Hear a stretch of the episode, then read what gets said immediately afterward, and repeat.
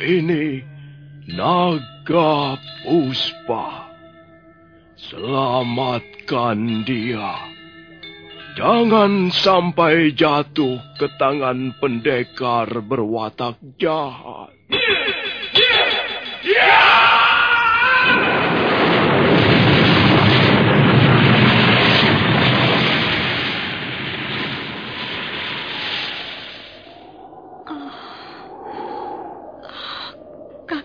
Kamandanu, kau, kau masih juga tidak percaya bahwa aku, aku mencintaimu. Mesin, maafkan aku Mesin. Mesin, Mesin.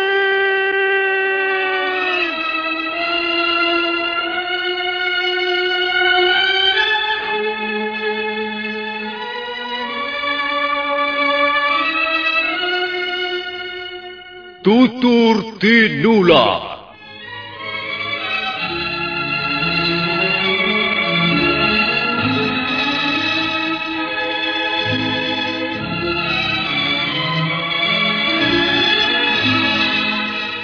Sebuah sandiwara radio serial, produksi Sanggar Cerita dan Teater Sanggar Prativi. Sebuah kisah dengan latar belakang sejarah runtuhnya Singasari dan berdirinya Kerajaan Majapahit.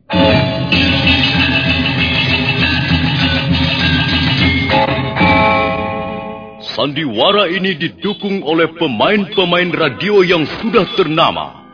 Ferry Fadli, Ivone Rose, dan Eli Ermawati.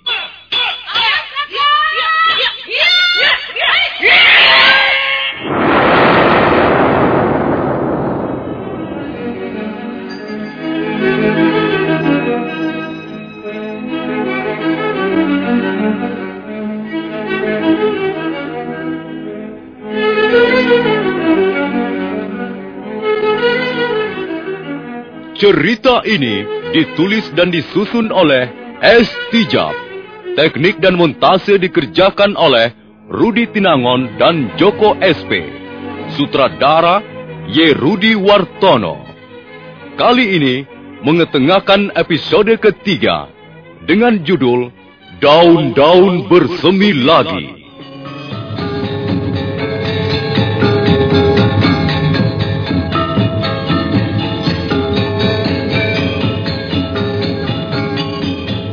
Dalam seri yang ke-78 ini didukung oleh para pemain Edi Dosa sebagai Lau Sisan, Eli Ermawati sebagai Maisin, Ferry Fadli sebagai Arya Kamandanu, dan pembawa cerita Nusri. Selamat mendengarkan.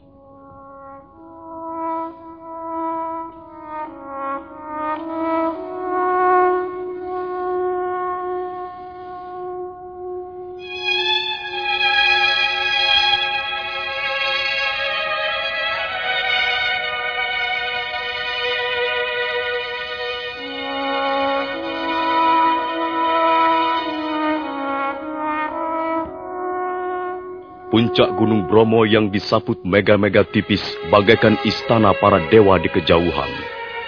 Sinar matahari senja berwarna kemerah-merahan. Suasana di sekitar bangunan tua bekas tempat pemujaan Dewa Siwa nampak sunyi dan lengang. Pendekar Lau dan istrinya berpelukan dengan mesra. Disaksikan burung-burung yang terbang dari pohon ke pohon.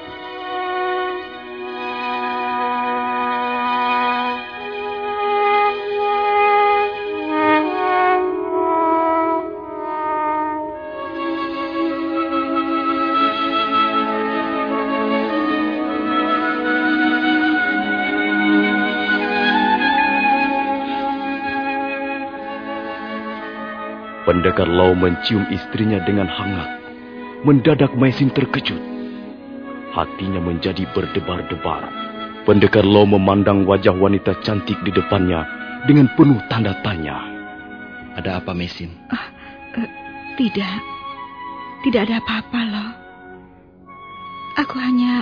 ah, Aku hanya takut kehilangan kau. Kau tidak pernah kehilangan aku. Di dunia ini tidak ada yang pernah kehilangan. Kau nampak aneh sekali sore ini. Apakah kau sudah benar-benar merasa sehat? Iya, aku sehat seperti pengantin baru. Apakah kau tidak percaya? Aku percaya. Aku percaya loh. Hmm. Dalam saat-saat seperti ini, aku terkenang masa silam kita loh. Oh, iya. Masa silam kita di negeri leluhur yang indah. Tapi negeri tempat kita berpijak sekarang ini pun tidak kurang indahnya. Lihat saja, alamnya sangat cantik dan ramah. Kalau kita sedang begini, seolah-olah di dunia ini tidak terdapat kejahatan ya lo ya. Sudahlah Mesin. Jahat dan baik hanyalah bumbu dalam kehidupan ini. Janganlah terlalu dipikirkan. Yang penting kita bisa menerima keadaan, betapapun pahitnya keadaan itu. Lo, apakah tak pernah terlintas dalam angan-anganmu untuk pulang ke negeri leluhur kita? Lalu apa yang akan kita cari di sana? Di mana-mana sama saja, Mesin. Dunia menjadi indah atau menyakitkan adalah karena diri kita sendiri. Kenapa kau diam dan mendesak? Kadangkala, aku teringat kembali saat-saat perkawinan kita, loh. Hmm, saat perkawinan yang mana? Ya, saat kita sudah resmi menjadi suami istri. Sayang sekali. Saat-saat seperti itu begitu cepat berlalu. Ah, itu hanya perasaanmu saja. Bukankah sekarang ini kita juga sedang bergelimang keindahan? Tapi loh, aku takut saat seperti sekarang ini pun akan segera berlalu. Jangan takut. Jika kau takut, maka kau tidak akan bisa menikmati apa-apa. Sang pemberi hidup sudah memberikan segalanya pada kita. Mengapa harus takut? Hmm? Ah, lo, di sini angin terlalu keras. Kita kembali saja ke bangunan tua itu. Kau kulihat juga belum makan apa-apa sejak siang tadi? Tunggu sebentar. Ada yang ingin kutanyakan padamu. Soal apa? Uh, soal laki-laki pengembara yang aneh itu. Ada apa dengan dia? Bagaimana pendapatmu tentang orang itu? Hmm, bagaimana pendapatku tentang dia? Iya. Ya, kukira dia cukup baik. Dia bisa dipercaya. Iya. Kalau begitu aku sependapat denganmu. Dia memang baik. Seorang laki-laki yang tegar dan pemberani. Tapi nampaknya Tuan Kamandanu mempunyai masalah pribadi yang cukup berat. Iya, aku juga mendapat kesan begitu. Dia sering duduk menyendiri, melamun sendirian di tempat yang sunyi. Orang itu sepertinya mempunyai dunianya sendiri yang tak ingin diusik oleh orang lain. Iya, iya. Ah, mari kita kembali saja, loh. Di sini angin terlalu keras.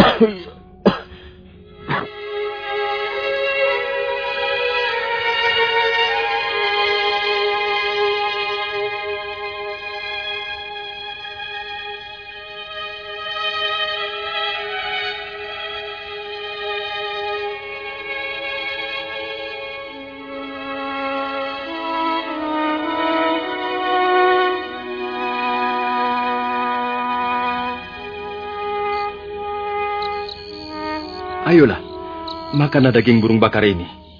Aku sudah menghabiskan dua dada yang empuk dan gurih sekali. Terima kasih, Tuan. Uh, kau mau loh? Mari ku potongkan sayapnya sebelah. Uh, sudah, tidak. Sudah cukup. Uh, aku baru saja melahap sepotong paha. Sudah, uh, cukup. Uh, tolong ambilkan saja aku air minum. Uh, kau mau minum rupanya. Ini, minumlah. Iya.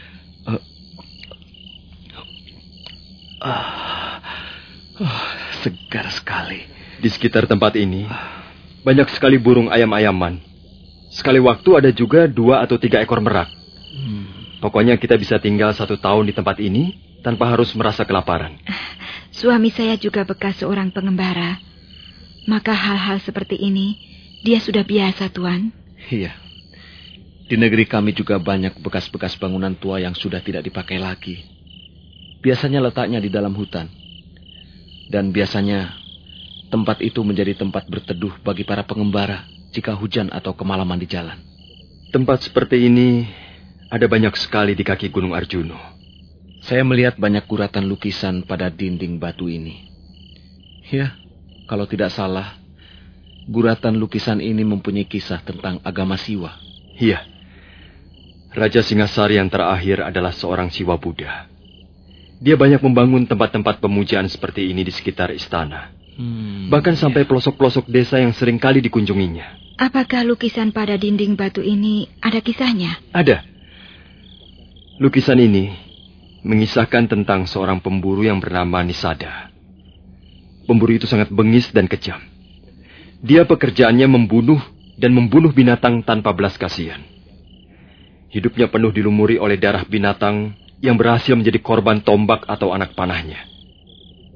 Kemudian, Suatu ketika pemburu itu mengadakan sesaji yang istimewa pada Batara Siwa. Mengapa sesaji itu istimewa? Iya, sebab dia mengadakan sesaji di atas pohon. Dan pada saat itu bertepatan dengan malam Siwaratri. Menurut kepercayaan, sesaji yang diadakan bertepatan dengan malam Siwaratri, maka dosa orang itu akan diampuni. Dan jika meninggal, kelak maka rohnya akan masuk ke alam nirwana. Hmm. Rupanya guratan lukisan ini ada ceritanya. Semula aku kira hanya berupa hiasan dinding belaka. Ah, Lau, sebaiknya kau tidur. Pakailah selindangku ini untuk selimut. Udara mulai dingin. Iya, sebaiknya suamimu istirahat. Ajaklah dia berbaring. Aku akan menunggu di sini. Kalian tenang saja. Tidurlah. Biar aku yang berjaga-jaga. Ayo loh, aku akan tidur di sebelahmu.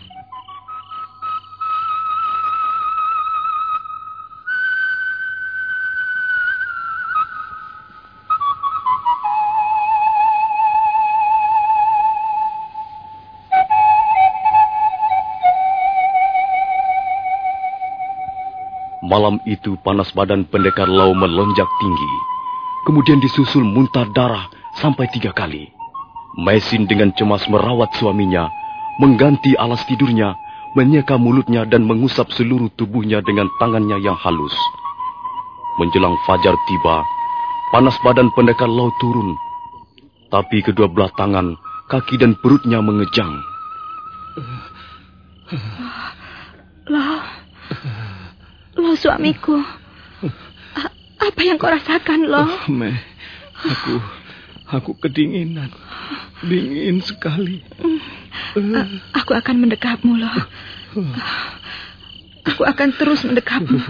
Supaya kau tidak dingin lagi. Aku... Apakah benar yang baru saja kulihat ini? Apa yang kau lihat, loh? Kau melihat apa?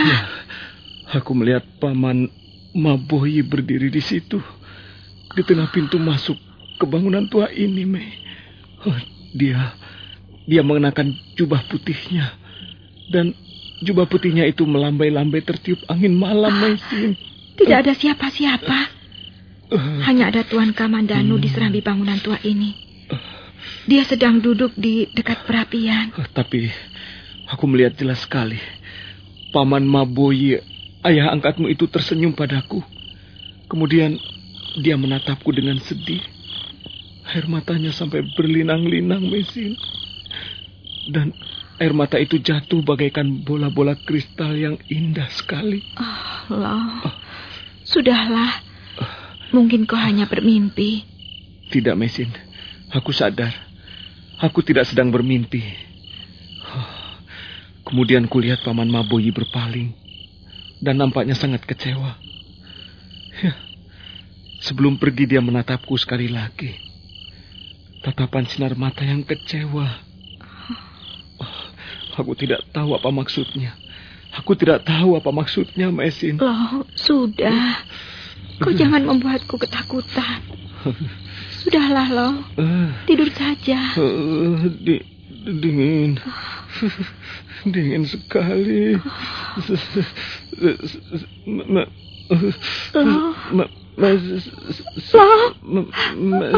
Loh. Tuan. Tuan. Tuan. Lihat suami saya, Tuan. Lihat. Ada apa dengan suami saya?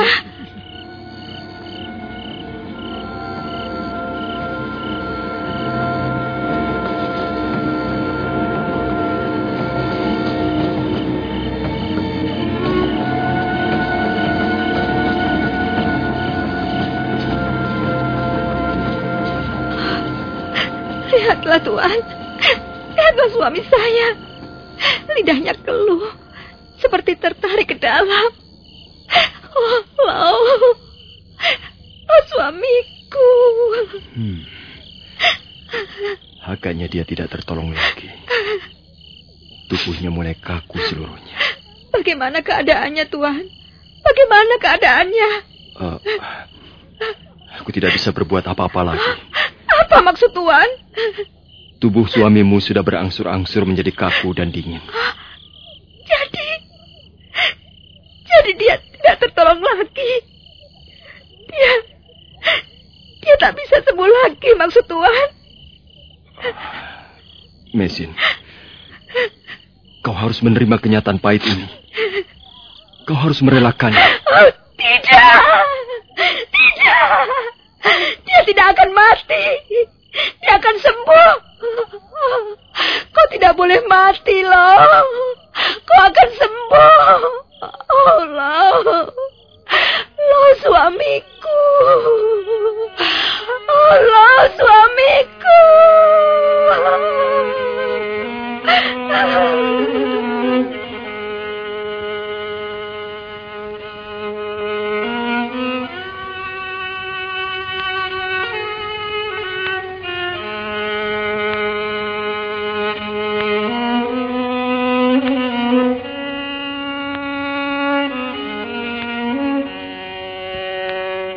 Memang tak bisa dihindarkan. Kalau dia mau datang, dia pasti akan datang juga. Jika layar kehidupan sudah ditutup, maka semua akan berhenti mengalir. Dan sungai akan kering kerontang. Dan batu-batuan akan menjadi saksi bahwa semua ini hanyalah mimpi. Akhirnya, malam itu juga pendekar Lau mengembuskan nafasnya yang penghabisan di pangkuan istrinya yang setia. Wanita malang itu pun menangis sejadi-jadinya. Dia terus menangis. Air matanya mengucur bagai hujan membasahi dada suaminya yang sudah dingin membeku.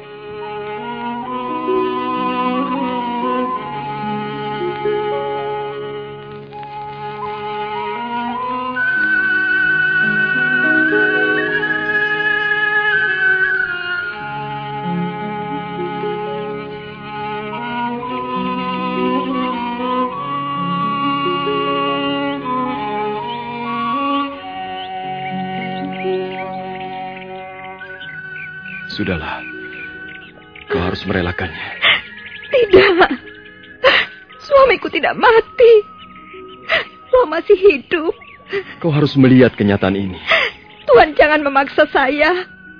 Kenapa kau masih juga menentang kehendaknya? Itu bukan urusan Tuhan. Saya... Saya sangat mencintainya, Tuhan. Tapi suamimu sudah tidak ada lagi. Dia sudah berpindah ke alam lain alam keabadian. Dia sudah merasa tentram di dalam dunianya yang baru. Diam! Tuhan tidak berhak berkata begitu. Suami saya masih hidup. Lo masih hidup. Dia tidak akan mati. Bukankah demikian, lo? Bukankah kau masih hidup? Bukankah kau hanya tidur, sayang?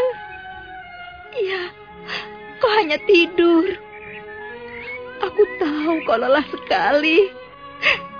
Kau memang butuh tidur. Tidurlah, Lau. Aku akan menjagamu di sini. Di sampingmu. Kau tidak usah khawatir. Nanti, kalau kau terbangun, kita akan jalan-jalan lagi. Kita akan menikmati hidup sepuas-puasnya. Ah, Bukankah kau sudah berjanji akan membahagiakan aku? istrimu. Nah, aku percaya kau akan menepati janjimu. Sekarang tidurlah, loh. Tidurlah dengan tenang. Aku akan menjagamu. Menjagamu. Senantiasa menjagamu. Di sampingmu.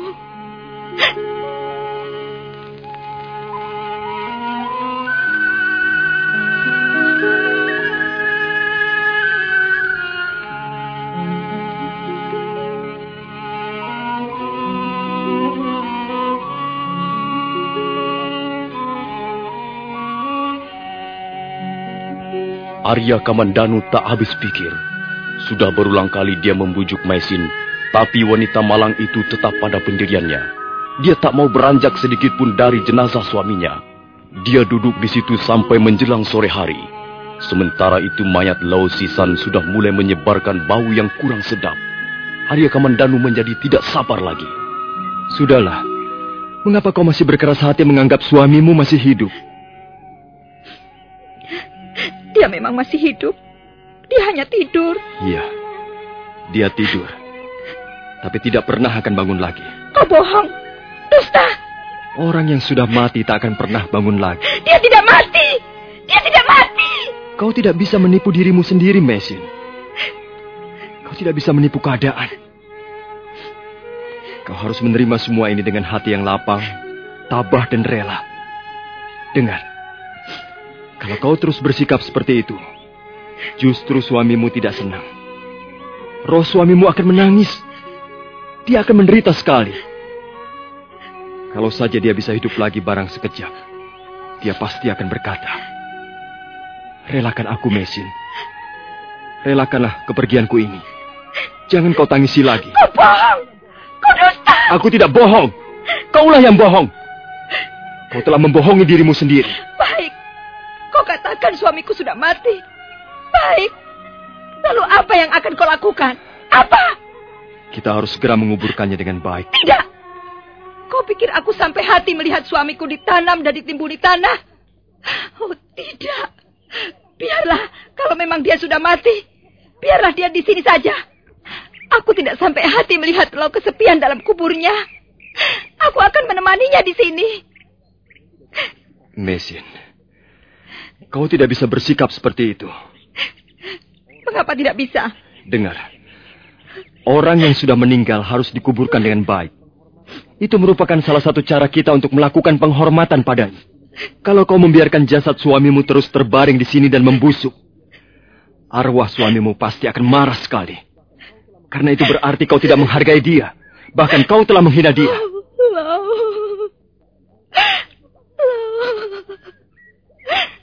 Apakah akhirnya kita harus berpisah sampai di sini? Allah. Mengapa? Mengapa kau tinggalkan aku, Loh? Mengapa kau tega meninggalkan aku sendirian di negeri ini? Allah. Allah. Jawablah. Jawablah pertanyaanku ini loh.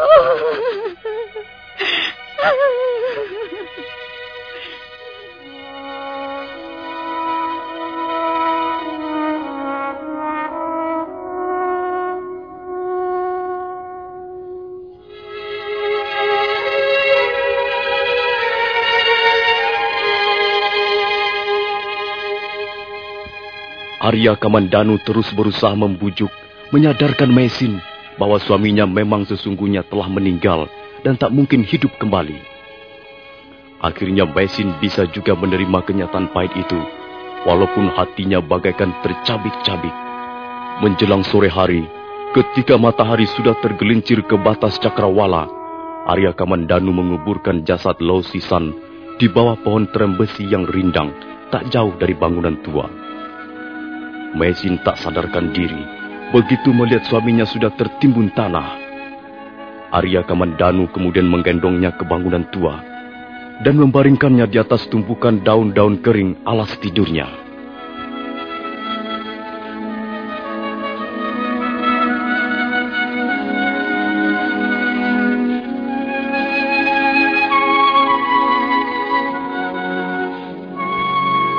Malam itu sangat lengang.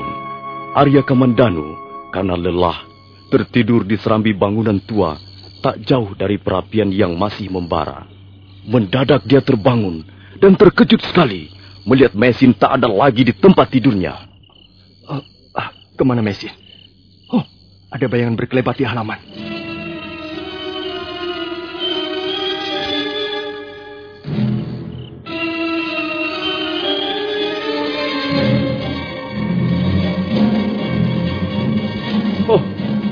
Mesin? Kaukah Mesin? Apa yang kau lakukan di sini? Tuan, kuharap Tuan jangan mendekati saya. Apa yang akan kau lakukan?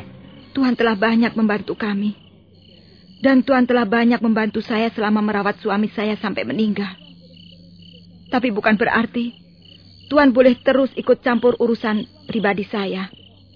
Awas, Tuhan jangan coba-coba mendekati saya. Kalau Tuhan masih nekat, saya akan melompat ke dalam jurang.